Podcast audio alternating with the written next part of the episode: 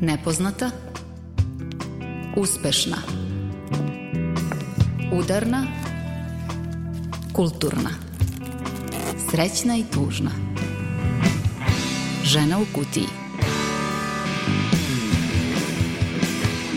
Dobrodošli na Talas Radio Novog Sada, kreće još jedna žena u kutiji. Ja sam Tamara Srijemac, a dobar dan vam želi i koleginica koja je zadužena za tonsku realizaciju Iboja Šanca. Pobune u Iranu, ali i u Beogradu, Sarajevu, Novom Sadu, a sve sa istim ciljem, omogućiti ženama pravo na izbor, pravo na svoje telo i bezbednost. O tome govori današnja žena u kutiji. Nakon što je policija za moral zbog nepravilnog nošenja hidžaba privala 22-godišnju Mahsu Amini u Iranu i odvela u policijsku stanicu gde je preminula tri dana kasnije, žene su na ulicama.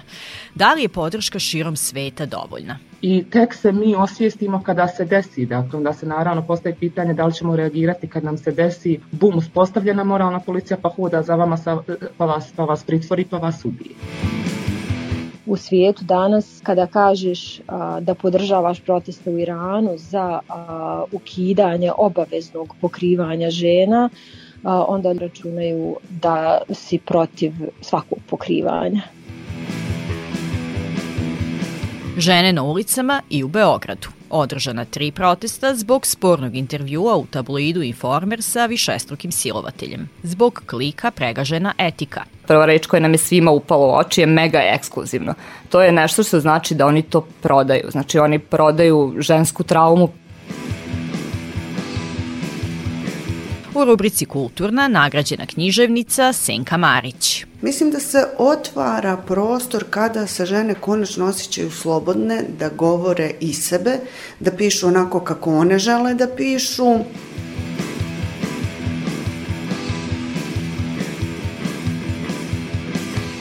Udarna Žena u kutiji. U rubrici Udarna analiziramo dešavanja u Iranu i kako protesti u toj državi utiču na zemlje u regionu.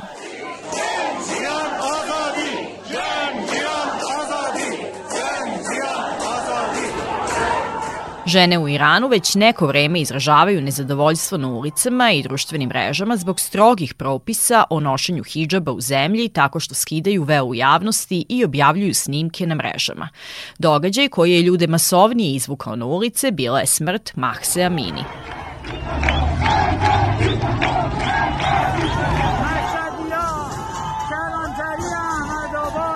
Policija za moral u Iranu privela je 13. septembra zbog nepravilnog nošenja hidžaba 22-godišnju Mahsu Amini.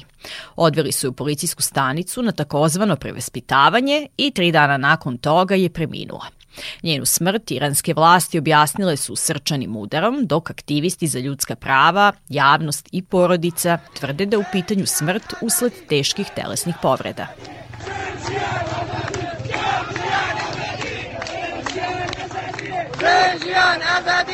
Protesti su najpre izbili u rodnom gradu Mahse Amini, a potom su se proširili na celu zemlju. Glavni slogan, pored onoga što se uzvikuje protiv sistema, jeste žene, život, sloboda.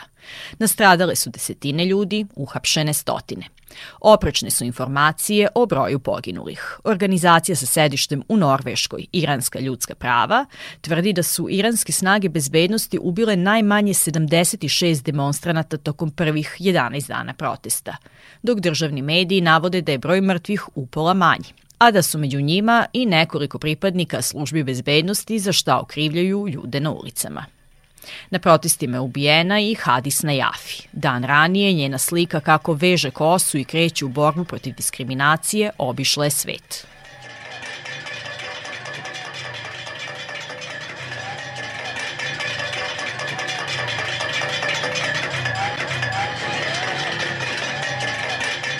Kako je došlo do toga da se žene koje ne žele da nose hijab na ulicama Irana hapse i iskazivanje građanske neposlušnosti plaćaju životom? Kako je sve počelo?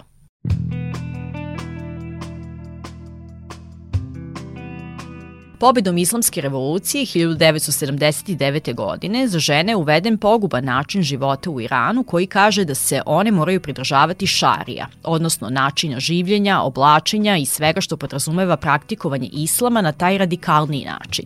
To za ženu u Kutiji objašnjava direktorka Akademije za žene u Sarajevu Maja Gasal Vražalica dok su bili na vlasti reformisti, a taj striktni način, ako sada govorimo baš o hijabu nije bio sankcionisan. U smislu žene su imale to pravo izbora da nose hijab onako kako one smatraju da, da je za njih prikladno i da im je ugodno i da je to bio neki vid slobode pa je taj hijab mogao dozvoljavati i da se vidi kosa ili vlas kose slično ili da ga nose na pola glave. Pobedom konzervativaca sve se menja a, nametnula se šarija u tom vidu da žene više nemaju a, pravo, odnosno da će njihovo nepoštivanje tih šarija i načina odjevanja i življenja biti sankcionisano i na osnovu toga se uspostavlja i moralna policija koja je javna ustanova finansirana jeli, od strane svih građana i građanki, jeli, kad se vratimo kako se budžet puni i sve, gdje će do te mjere ići ta represivna mjera da se čak i u javnom prijevozu su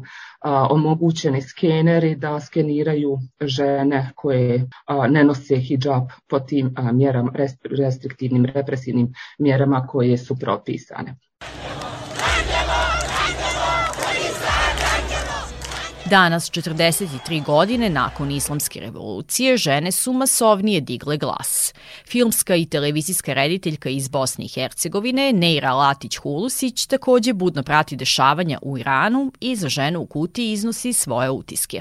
Koliko god tragične bile uh, ove dvije smrti, uh, djevojke uh, Masi Amin, koja je uh, ja slobodno mogu kazati ubijena, ali, ali preminula je ali u tim, to, tom centru za reedukaciju i Hadis Neđati koja je ubijena sa šest metaka a, dok, je, dok je protestovala zapravo. Toliko a, je to postalo neka svjetlo tačka u, u, u, u tom društvu. Njihova smrt će biti manje tragična ukoliko a, protesti nastave a, i ukoliko se žene a, za početak u Iranu, a onda se nadam da će se to proširiti i dalje, a, uspiju solidarno izboriti a, za pravo na svoju vjeru, vjeru i ispovijest i svoje tijelo.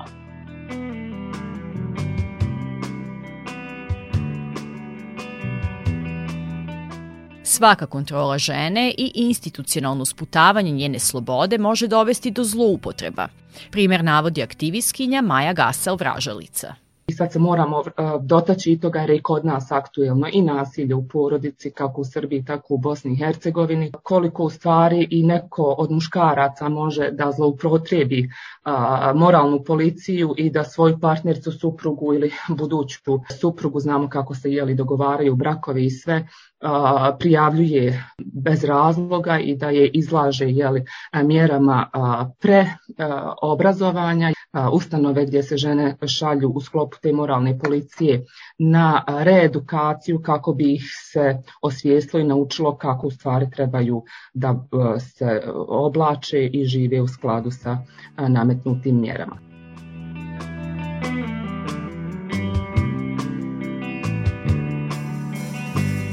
ja sam recimo čitala jedan intervju uh, osobe koja jest jeste vojnik jeli, ili policajac moralne policije koji je anonimno dao intervju iz perspektive gdje se i on ne slaže sa svim onim što, što se sprovodi i što je jeli, kao zadatak te moralne policije, ali a, generalno a, daje osvrt a, i, i stav mu je da u stvari je i on kad je se prijavljivao ili kad je bio regrutovan išao s tom namjerom da u stvari moralna policija treba da štiti žene od onih koji bi, da one nisu obučene u skladu, imali neke fantazije ili imali povoda da ih seksualno ili bilo kako drugu, na drugi način napadnu. To nastojanje da se ženi pripiše da svojim oblačenjem, ponašanjem, pojavom izaziva nasilje, univerzalne pojava i poznata je aktivistkinjama za ženska prava i u Srbiji, regionu i evropskim zemljama.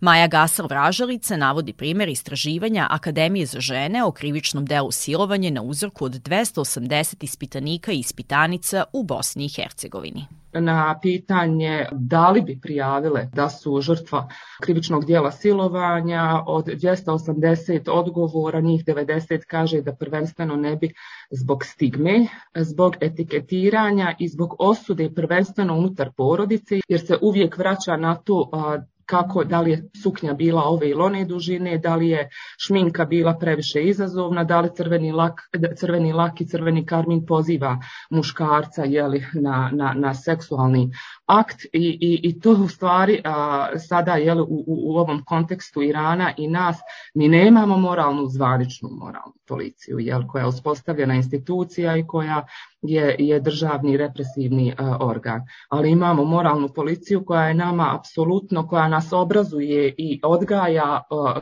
to, to je javnost, to su obrazivni, obrazovni sistem, tu apsolutno ne treba isključiti vjerske institucije vjerske autoritete a pravo žene na svoje telo danas u 21. veku morao bi biti imperativ, smatra rediteljka Nera Latić-Hulusić. Kada govorimo o pravu žene na svoje tijelo i, i svakoj slobodi koju ona može da uživa a, u svom tijelu, onda to u, u mom nekom a, razmišljanju a, podrazumijeva i sloboda da li se a, odluči ta žena pokriti, odnosno nositi hijab ili ga ne nositi a, takvo pravilo u nekom idealnom svijetu jel, trebalo bi da važi u svakoj zemlji, u svakoj državi. Nerin izbor jeste da nosi hijab, ali to je ne sputava da poštuje i podržava svaki ženin izbor u vezi sa tim. Ja se jednakim žarom borim za one žene koje žele da nose hijab u javnom prostoru, da ih se ne isključuje i ne omalovažava, te ne diskriminira na radnim mjestima,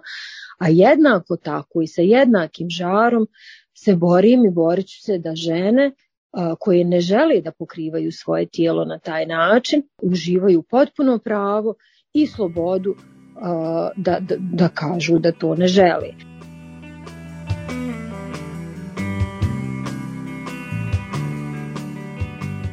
Koliko smo daleko od stanja svesti da je različitost u redu, da bi primarno trebalo da bude sloboda izbora, da je u redu da nosimo hijab ili da ga ne nosimo, da imamo prava da jedna bude ateiskinja, druga muslimanka, treća hrišćanka. Da li četvrta bude lezbijka? Tako je.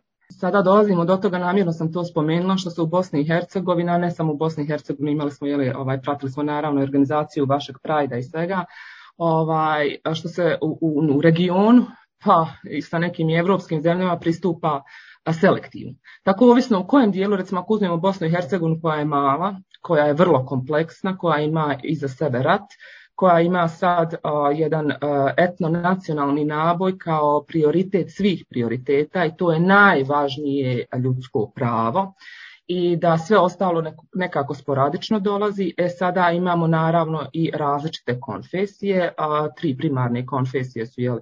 I tu se naravno ovisno u kojem dijelu Bosne i Hercegovine živite, sa kojim većinskim dijelom stanovništva po e, etniji ili po konfesiji, tu se naravno i ovaj određena pravila e, neformalne moralne policije nameću.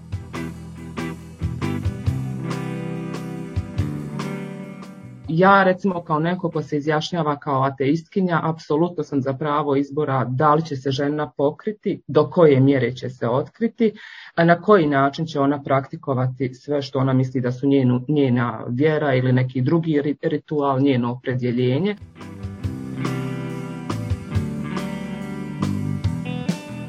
Ja jesam za, za izbor, ali nisam za, za, za nelogično mi je da djevojčica od 10 do 12 godina u onom periodu kad je li po nekim njihovim pravilima post sazrijeva, da, ju, da je se pokrije.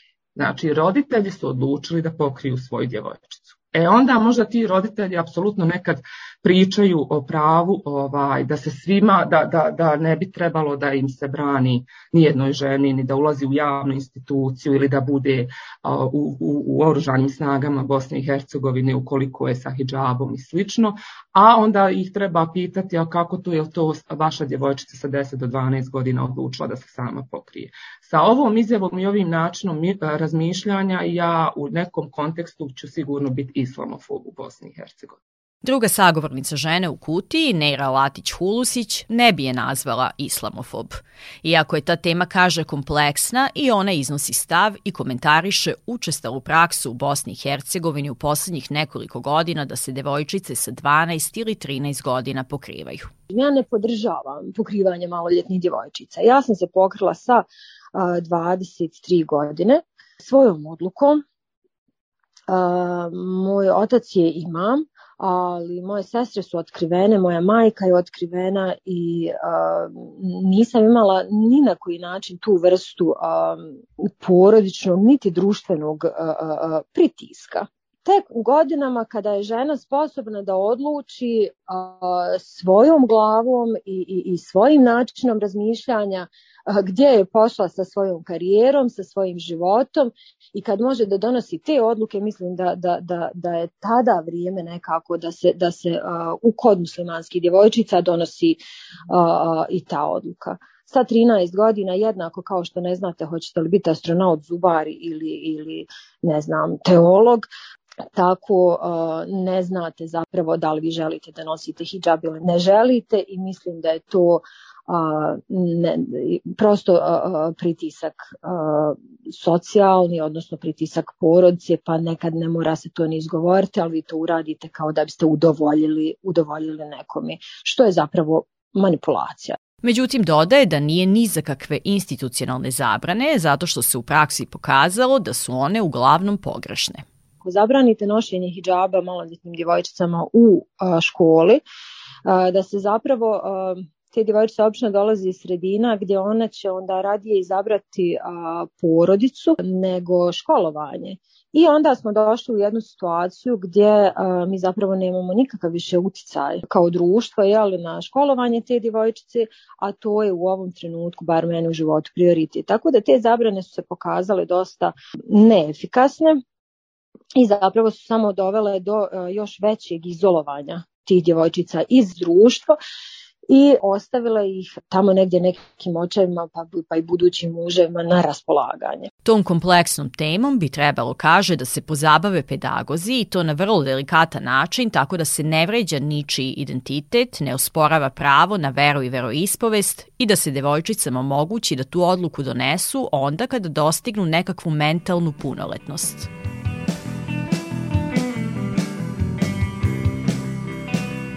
Obe sagovornice žene u kutiji, bez obzira na razlike, spremne su da se bore za ljudska prava svih žena bez izuzetka, što je redka pojava. Obe su i saglasne da se ta borba u praksi najčešće odvija selektivno, u nekakvim fiokama pa imate od žena da od nas očekuju da, ih, da, da budemo aktivistkinje i da se zalažemo za njihovo pravo da budu u oružanim snagama sa hijabom, ali te iste žene i te iste organizacije će šutjeti na prava LGBTIQ osoba, pa naravno i žena unutar tih uh, unutar te populacije. I onda će reći, pa znate, to je, to, ne, to je četiri zida. Mene ne zanima, ja ih ne mrzim, ja ih, pa, ali ne kontu svoja četiri zida ružno mi je govoriti uh, o, o sebi, ali nekako mi ono naj, naj, najlakši primjer. Ja istovremeno podržaj, podržim svake godine uh, i Pride u Sarajevu, a isto tako se jako strastveno borim za uh, uh, mogućnost pokrivenih žena da uh, uživaju sva prava i slobode sekularne države i javnog javnog prostora. To je jedna vrlo, vrlo opasna ovaj, sintagma u četiri zida, onda i u četiri zida ostaje i nasilje. Onda i hijab treba da bude u četiri zida. E onda se vraćamo na ovo, onda ćemo imati moralnu policiju koja će odrediti šta je to za četiri zida, šta nije za četiri zida. E to sada nerazumijevanje a, nas u, u 21. vijeku, osobito žena, da ne može u četiri zida i da je nekad sve bilo u četiri zida i znamo kako je bilo. I znamo da evo sada je u četiri zida a, Iran ne, neće više da živi u državi koja je četiri zida, gdje vam moralna policija visi nad nama i nad vama i ovaj određuje šta kako i u kojem trenutku će jeli, jeli doći do gubljenja života, odnosno jel do te mjere žena plate života. Ta univerzalna solidarnost i borba gotovo da ne postoji nigde u svetu, a naročito ne na Balkanu, smatra Neira Latić-Hulusić i dodaje da su danas u Bosni i Hercegovini posebno izražene stranačke i nacionalne podele pa tako žena ženu podržava samo ako su u istoj političkoj opciji, samo ako su jednake seksualne orijentacije, samo ako su jednako vjernice ili jednako nevjernice ili ako spadaju ako su vjernice u, u istoj vjeri i bojim se da tim putem nećemo daleko odmaknuti.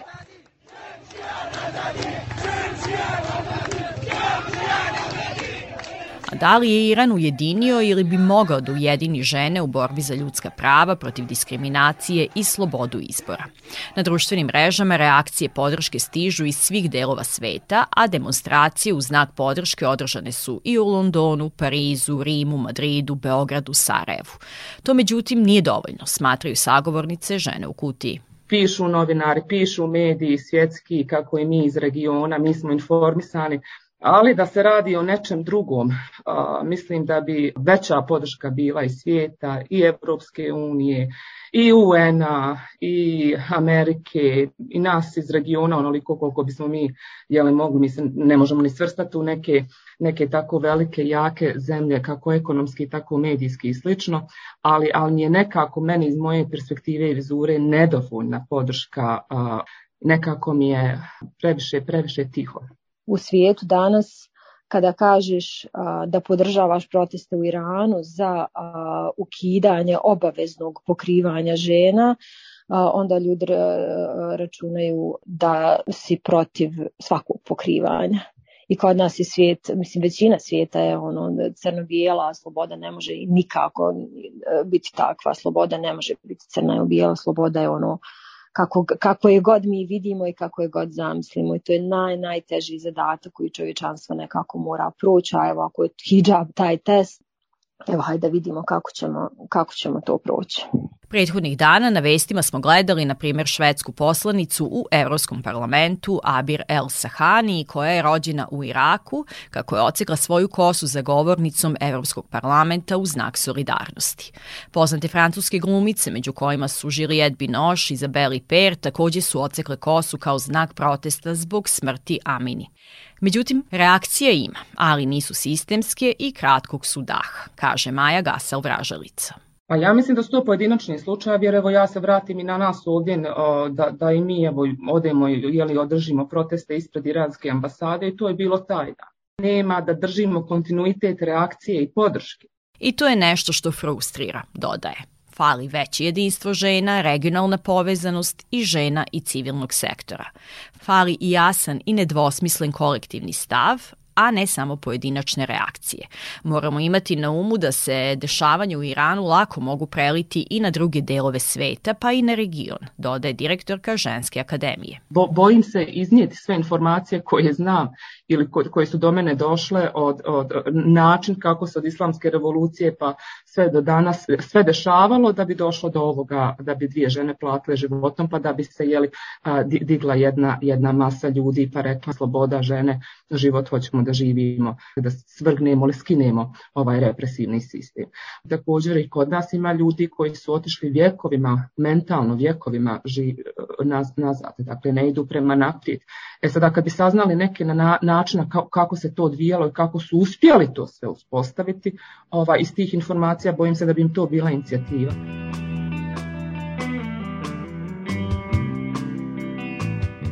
Treba, treba zaista biti toliko osviješten i, i osvrnuti se oko sebe i vidjeti gdje mi sve živimo. E onda kada to e, spoznate i saznate, onda je meni i naravno da, da vam budi jednu frustraciju, osjećaj gdje vidite što, da, da nema reakcije i da je sve nekako prolazi ispod radara i sve je nekako ok i tek se mi osvijestimo kada se desi, dakle onda se naravno postaje pitanje da li ćemo reagirati kad nam se desi bum uspostavljena moralna policija pa hoda za vama pa vas, pa vas pritvori pa vas ubije.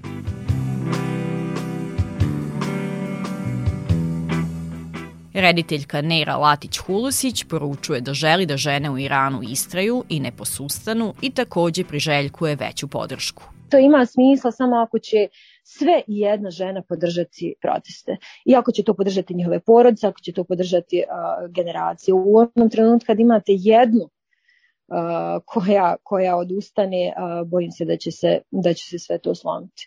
Ali eto, ovo treba da bude nauk za 21. stoljeće, za neki novi val i feminizma, da razgovaramo o tome šta je zapravo sloboda, šta je sloboda otkrivanja, odnosno pokrivanja tijela onoliko koliko jedna žena želi i, i, i da nekako prestanemo stvari da gledamo iz, iz, iz, iz kutija. I mislim da se sama svijest ne mijenja sama od sebe nigdje, nego imate zakone, imate uh, jel, sankcije, osobito novčane, pa ukoliko jeli vi ovaj, ne poštujete ono što je demokratsko ljudsko pravo, onda bivate novčano sankcionisani u, jeli, u, u, u onoj većoj mjeri ukoliko počnite naravno i, i zatvorom. Tako da je to nešto što je nama potrebno i mislim da regija kao regija naša apsolutno bi imala i možda je to ne, ne možda, sigurno su to teme koje bi nas povezala, uvezala i možda politički ojačale kad bi žene odlučile da se regionalno uvežu i rade zajedno na ovim temama, a ne da nam muškarci u obje naše zemlje pa i u regiji vode politiku na ovaj način gdje se prebrojavaju krvna zrnca, u tom prebrojavanju opet najviše stradamo mi. Hvala Maji Neri što misle izvan kutije i edukuju nas tu zaista važnim i ključnim temama. U nastavku slušamo muziku i to band koji obeležava 10 godina postojanja. Artan Lili. Rado ih vrtimo u ženi u kutiji od prve sezone, a današnji izbor je pesma Foliram. Lažem te ponekad Da sam sama sebi dovoljna Zabavna je uloga biti glavna glumica. Lepo se namontiram Umem da ispoziram Prisutne u šanku Kulturno isprozivam. Sve si bolji ti više ne dam. Naliko si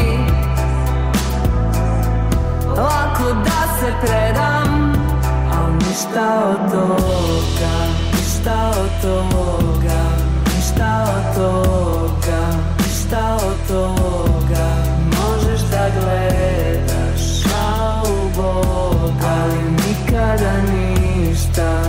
više od toga Ništa od temeno se opijam Iskusno se dobijam.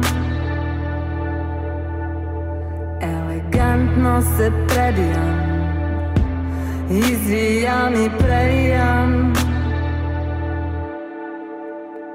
Toliko dobro izgledam Koliko se foliram daješ više uživam. Kako te zajebavam. Sve si bolji. Što ti više ne dam. Naviku si. Lako da se predam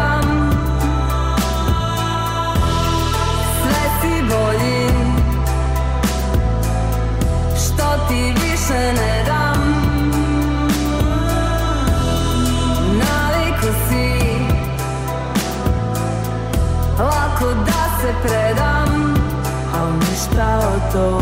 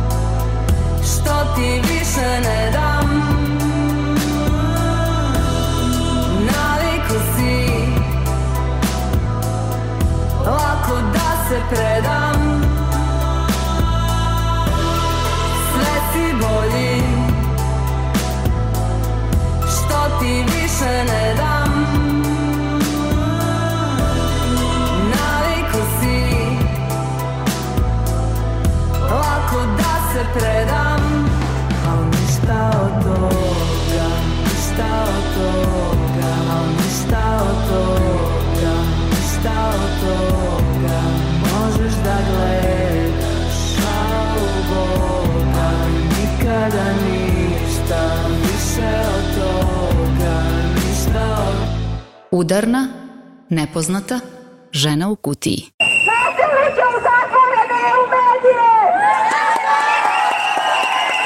A u petak u Beogradu održan je treći protest ispred redakcije Informera zbog objavljivanja intervjua sa serijskim silovateljem. Okupljeni su ovoga puta stigli do Skupštine skandirajući između ostalog ženska revolucija.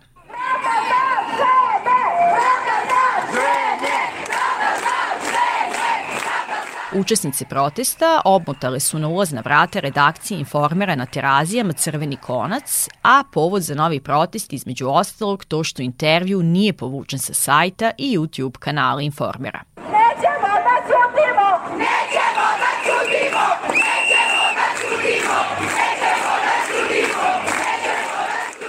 Neki od zahtjeva protesta u Beogradu su uklanjanje intervjua sa višestruko osuđivanim silovateljem sa svih medijskih platformi, zatim i ukidanje javnog finansiranja medija koji neetički izveštavaju o rodno zasnovanom nasilju, donošenje zakona o registru i nadzoru silovatelja po uzoru na već postojeći registar pedofila. Pozivamo vas da se vaš bes i vaša ljutnja vidi na ulicama!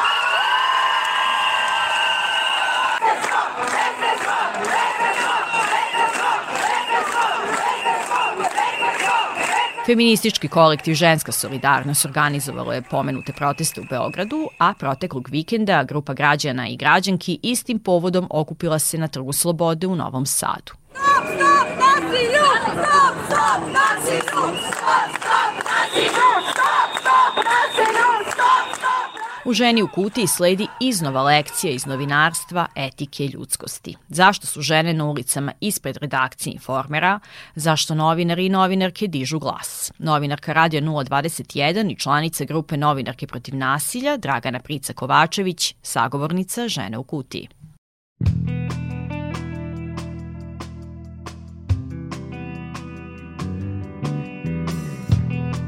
Dragana, za početak, hajde da objasnimo zašto sporni intervju nije novinarstvo, nego je kršenje etike, propaganda i senzacionalizam.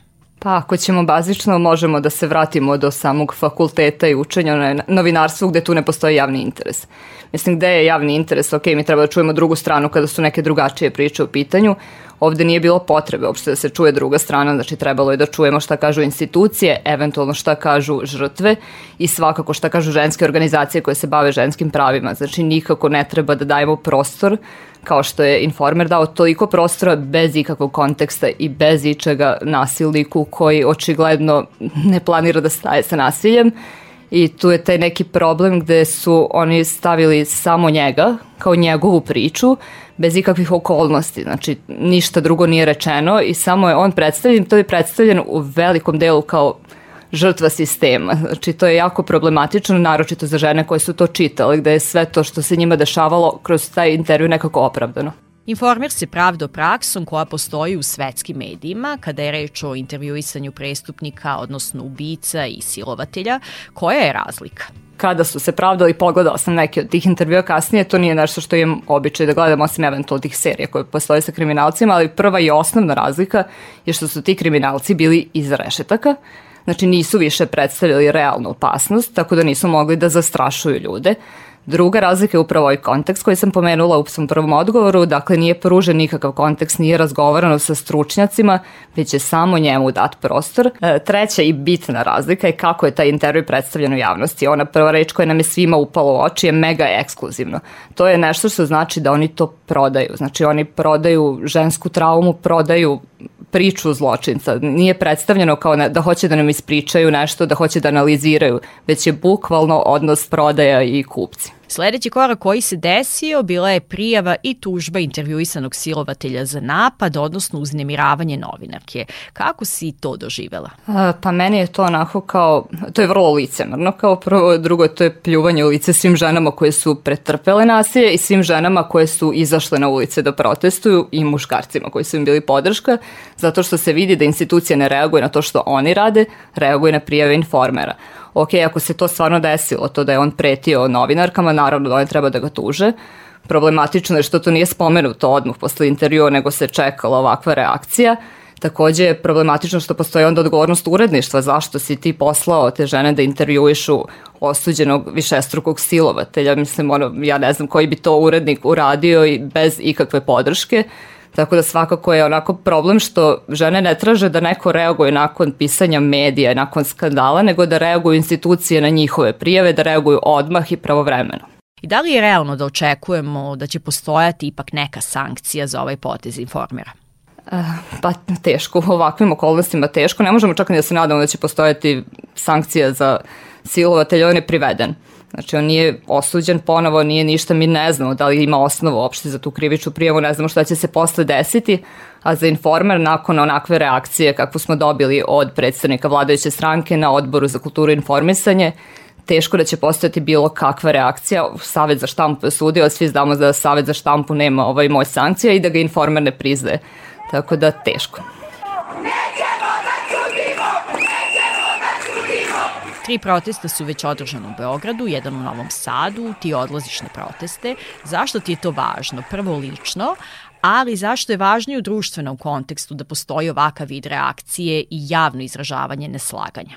Pre svega ja mislim da je Informer svim ovim što je uradio, mislim svi mediji, ali generalno trenutno pričamo o Informeru, tim što je radio samim intervjuom i tim posle prijavama i tim hvaljenjem da su oni nešto uradili, oni su oduzeli glas ženama, oduzeli su glas žrtvama i to što žene sada odlaze da pokažu šta, mogu, šta treba da kažu, šta žele da kažu, to je jako bitno. Bitno je meni kao ženi, bitno je meni kao novinarki, jer ja ni, ono, ne radim iste stvari kao oni, neću da me poistovete sa njima. Tako da jako je važno da svi odu i važno je da budu tu i muškarci da podrže, ali pre svega to je ženski događaj. Ako analiziramo samo dešavanja od prethodnih nekoliko nedelja, e, tu je dakle ovaj intervju u kojem govorimo, zatim ubijena žena u Futogu, pa sada i dvogodišnje dete e, i tu postoje indicije da su institucije zatajile. Šta još treba da se desi kako bi se problem položaja žena tretirao kao jedan od prioritetnih i u državi, institucijama, društvu, ali i medijima? Pa pre svega užasno što mi moramo da postavljamo to pitanje šta još treba da se desi. Ja mislim da se, de, mislim naravno razumem zašto ga postavljaš. Desilo se dovoljno stvari, desilo se dovoljno stvari još pre godinu dana, pre dve godine da se to pokrene, ali se ne dešava ništa, tako da ne znam šta bi moglo da bude gore, naročito od tog ubistva dvogodišnjeg deteta. E, institucije, ja mislim da su sigurno zakazale, bar, bar u tom smislu da nisu, nisu ovaj, ni sada kada se to desilo, oni nisu izašle da kažu, nisu izašle da prihvate taj deo odgovornosti, isto kao što informer izlazi da prihvata deo odgovornosti, to je problem. Problem je takođe to što mediji dalje rade i sa tim slučajem. Čak i oni mediji koji su osuđivali informer, mi dalje imamo to eksploatisanje nečije patnje, retraumatizaciju majka tog deteta još uvek živa i znači mi imamo te stvari koje očigledno deluju na žrtve pogubno, a deluju na sve druge žene. Novinarka Dragana Prica Kovačević govorila za ženu u kutiji. A jedna od poruka sa protesta je, iako se plašiš mraka, zapalit ćemo ovaj grad. To je inspiracija za pesmu koju slušamo u nastavku. Autopark, Gori grad. Ulazim u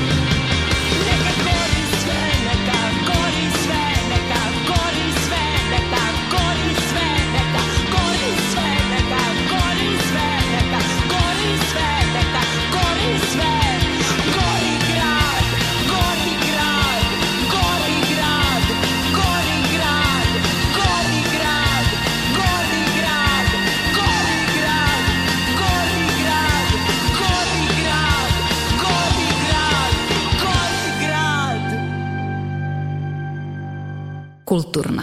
Žena u kutiji.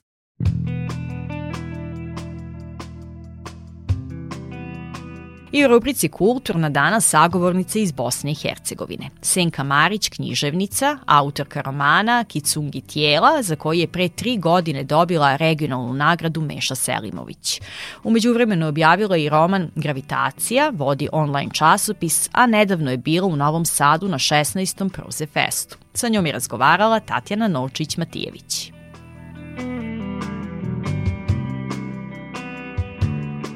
Čini mi se osim Davida Albaharija, negde sa vašom generacijom pojavila se uopšte sintagma zvezda u književnosti. Lep pomak, pogotovo što je već o književnosti počelo da se govori kao o nečemu anahronom, a onda je hrupila generacija pretežno ženski, moćni ženski glasovi u regionu i vi ste srećom, ne znam da li ste baš predvodnica svega toga, ali svakako jeste u žiži te, te grupe e, spisateljica koje su se naprosto nametnule svojim pismom. Pa da, mislim da bi akcenat u stvari tome bio na tome žena, znači ženskih glasova, jer ono što književnost je tu naravno vjekovima i muškarci pišu i mi čitamo isto tako vjekovima, međutim, ovaj, zahvaljujući feminizmu i sve onome, svemu onome što se dešavalo zadnjih sto godina, mislim da je konačno negdje počevši možda s mojom generacijom, ja sam tu čak malo i starija u odnosu na druge žene koje se pojavljuju na književnoj sceni u ovom trenutku, mislim da se otvara prostor kada se žene konačno osjećaju slobodne da govore i sebe, da pišu onako kako one žele da pišu, i da se ne povinuju opštim pravilima koja su vladala do sada kako književnost treba da izgleda. Znači, žene konačno počinju po meni da govore sebe, a ne da se govore onako kako im je u književnosti do sad predstavljanje da trebaju da govore o ženama. Zapravo one nas sada nameću modele književne iz svojih rukopisa. Pa činimo se da je tako, jer ovaj, ne bih htjela da banalizujem, ali muške priče čitamo već jako dugo vremena, a sada počinju da se otvoreno govore ženske priče i da se govore specifičnim nekim, mogla bih reći, i tako ženskim jezikom. Ono što je takođe lepa činjenica kada govorimo o, o vašem radu jeste da stoji jedna ozbiljna zabeleška.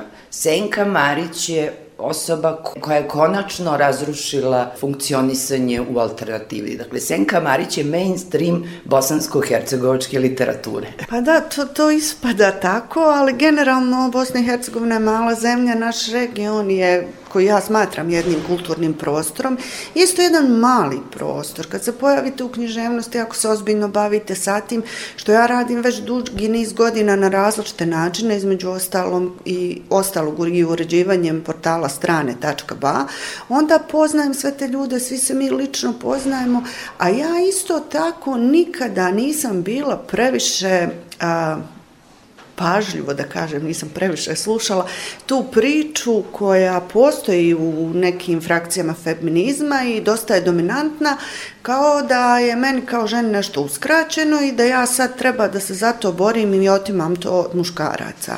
Ne znam, vjerovatno je to vezano za moj odgoj, ali ja sam se uvijek do jako dobro osjećala u svojoj koži. Ne mislim da ikome treba ništa otimati ili dokazivati. Tako da ja zaista, iako znam da postoji jako puno problema koje žene imaju kada kreću u književni svijet, ja ih zaista nikada nisam imala. Prosto je neverovatno, evo sada kad go, razgovaramo, da su se tako slagale okolnosti, da vi sada možete bez ikakvih loših primisli da govorite o tome da, ja, ja sam osvojila jedan prostor sa zadovoljstvom, ne mislim da sam time nekoga uskratila, pravim mrežu sličnih poetičkih glasova u, u regionu. Vaš roman je zaista onako eksplodirao.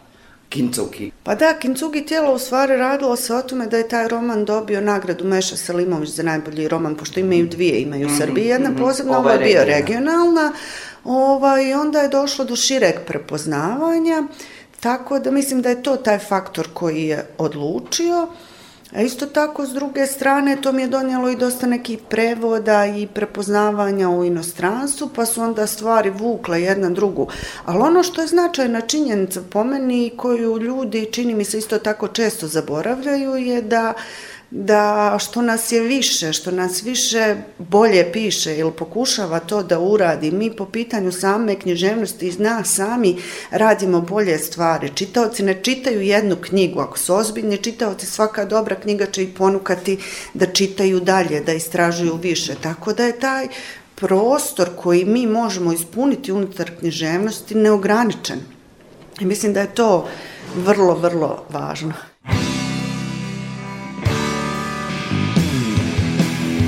Bilo je ovo još jedna žena u kutiji. Hvala vam na pažnji i slušamo se za dve sedmice. Za tonsku realizaciju emisije bila zadužena koleginica Iboja Šanca. Ja sam Tamara Srijemac. Naravno, ni danas ne idemo bez muzičkog pozdrava. Zemlja gruva, konstraktin vokal i pesma Tuga. Doviđenja. Tuga, tu je kao voda, kad je hladan dan, Voda tu je, al ne vidiš je. Voda magla je. Tišina ostaje jer ne zna kako, kako. Ja samo ćutim kad setim se Da voda magla je. Magla me ne pere, ne pere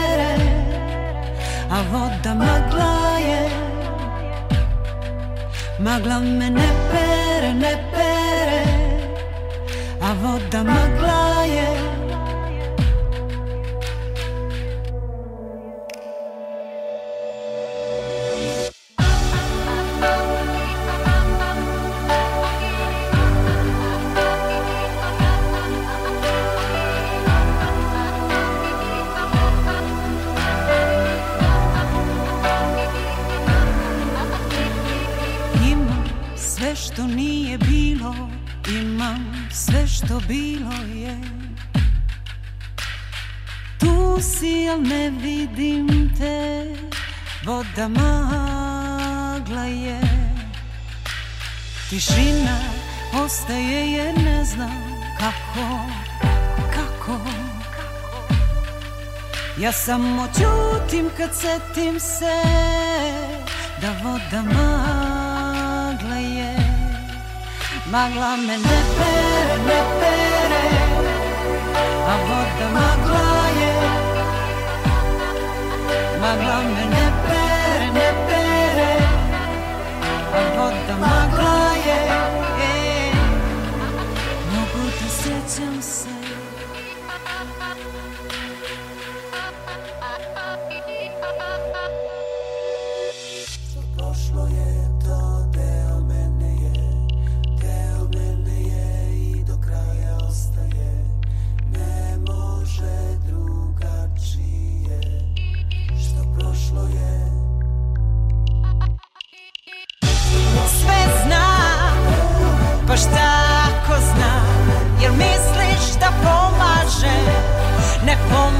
pomaže Pusti me, samo pusti me. Voda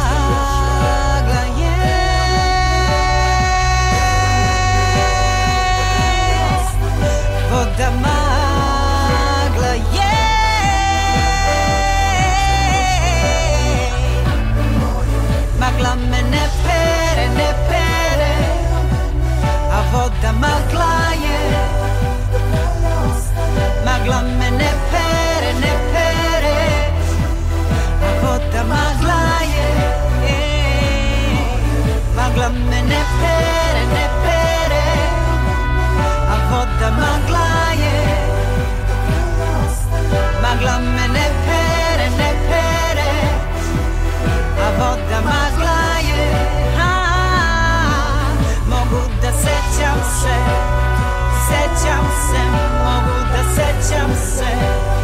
Sećam se, mogu da sećam se. Sećam se, mogu da sećam se.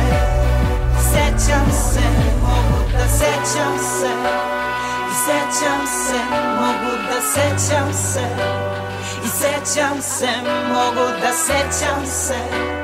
I sećam se, mogu da sećam se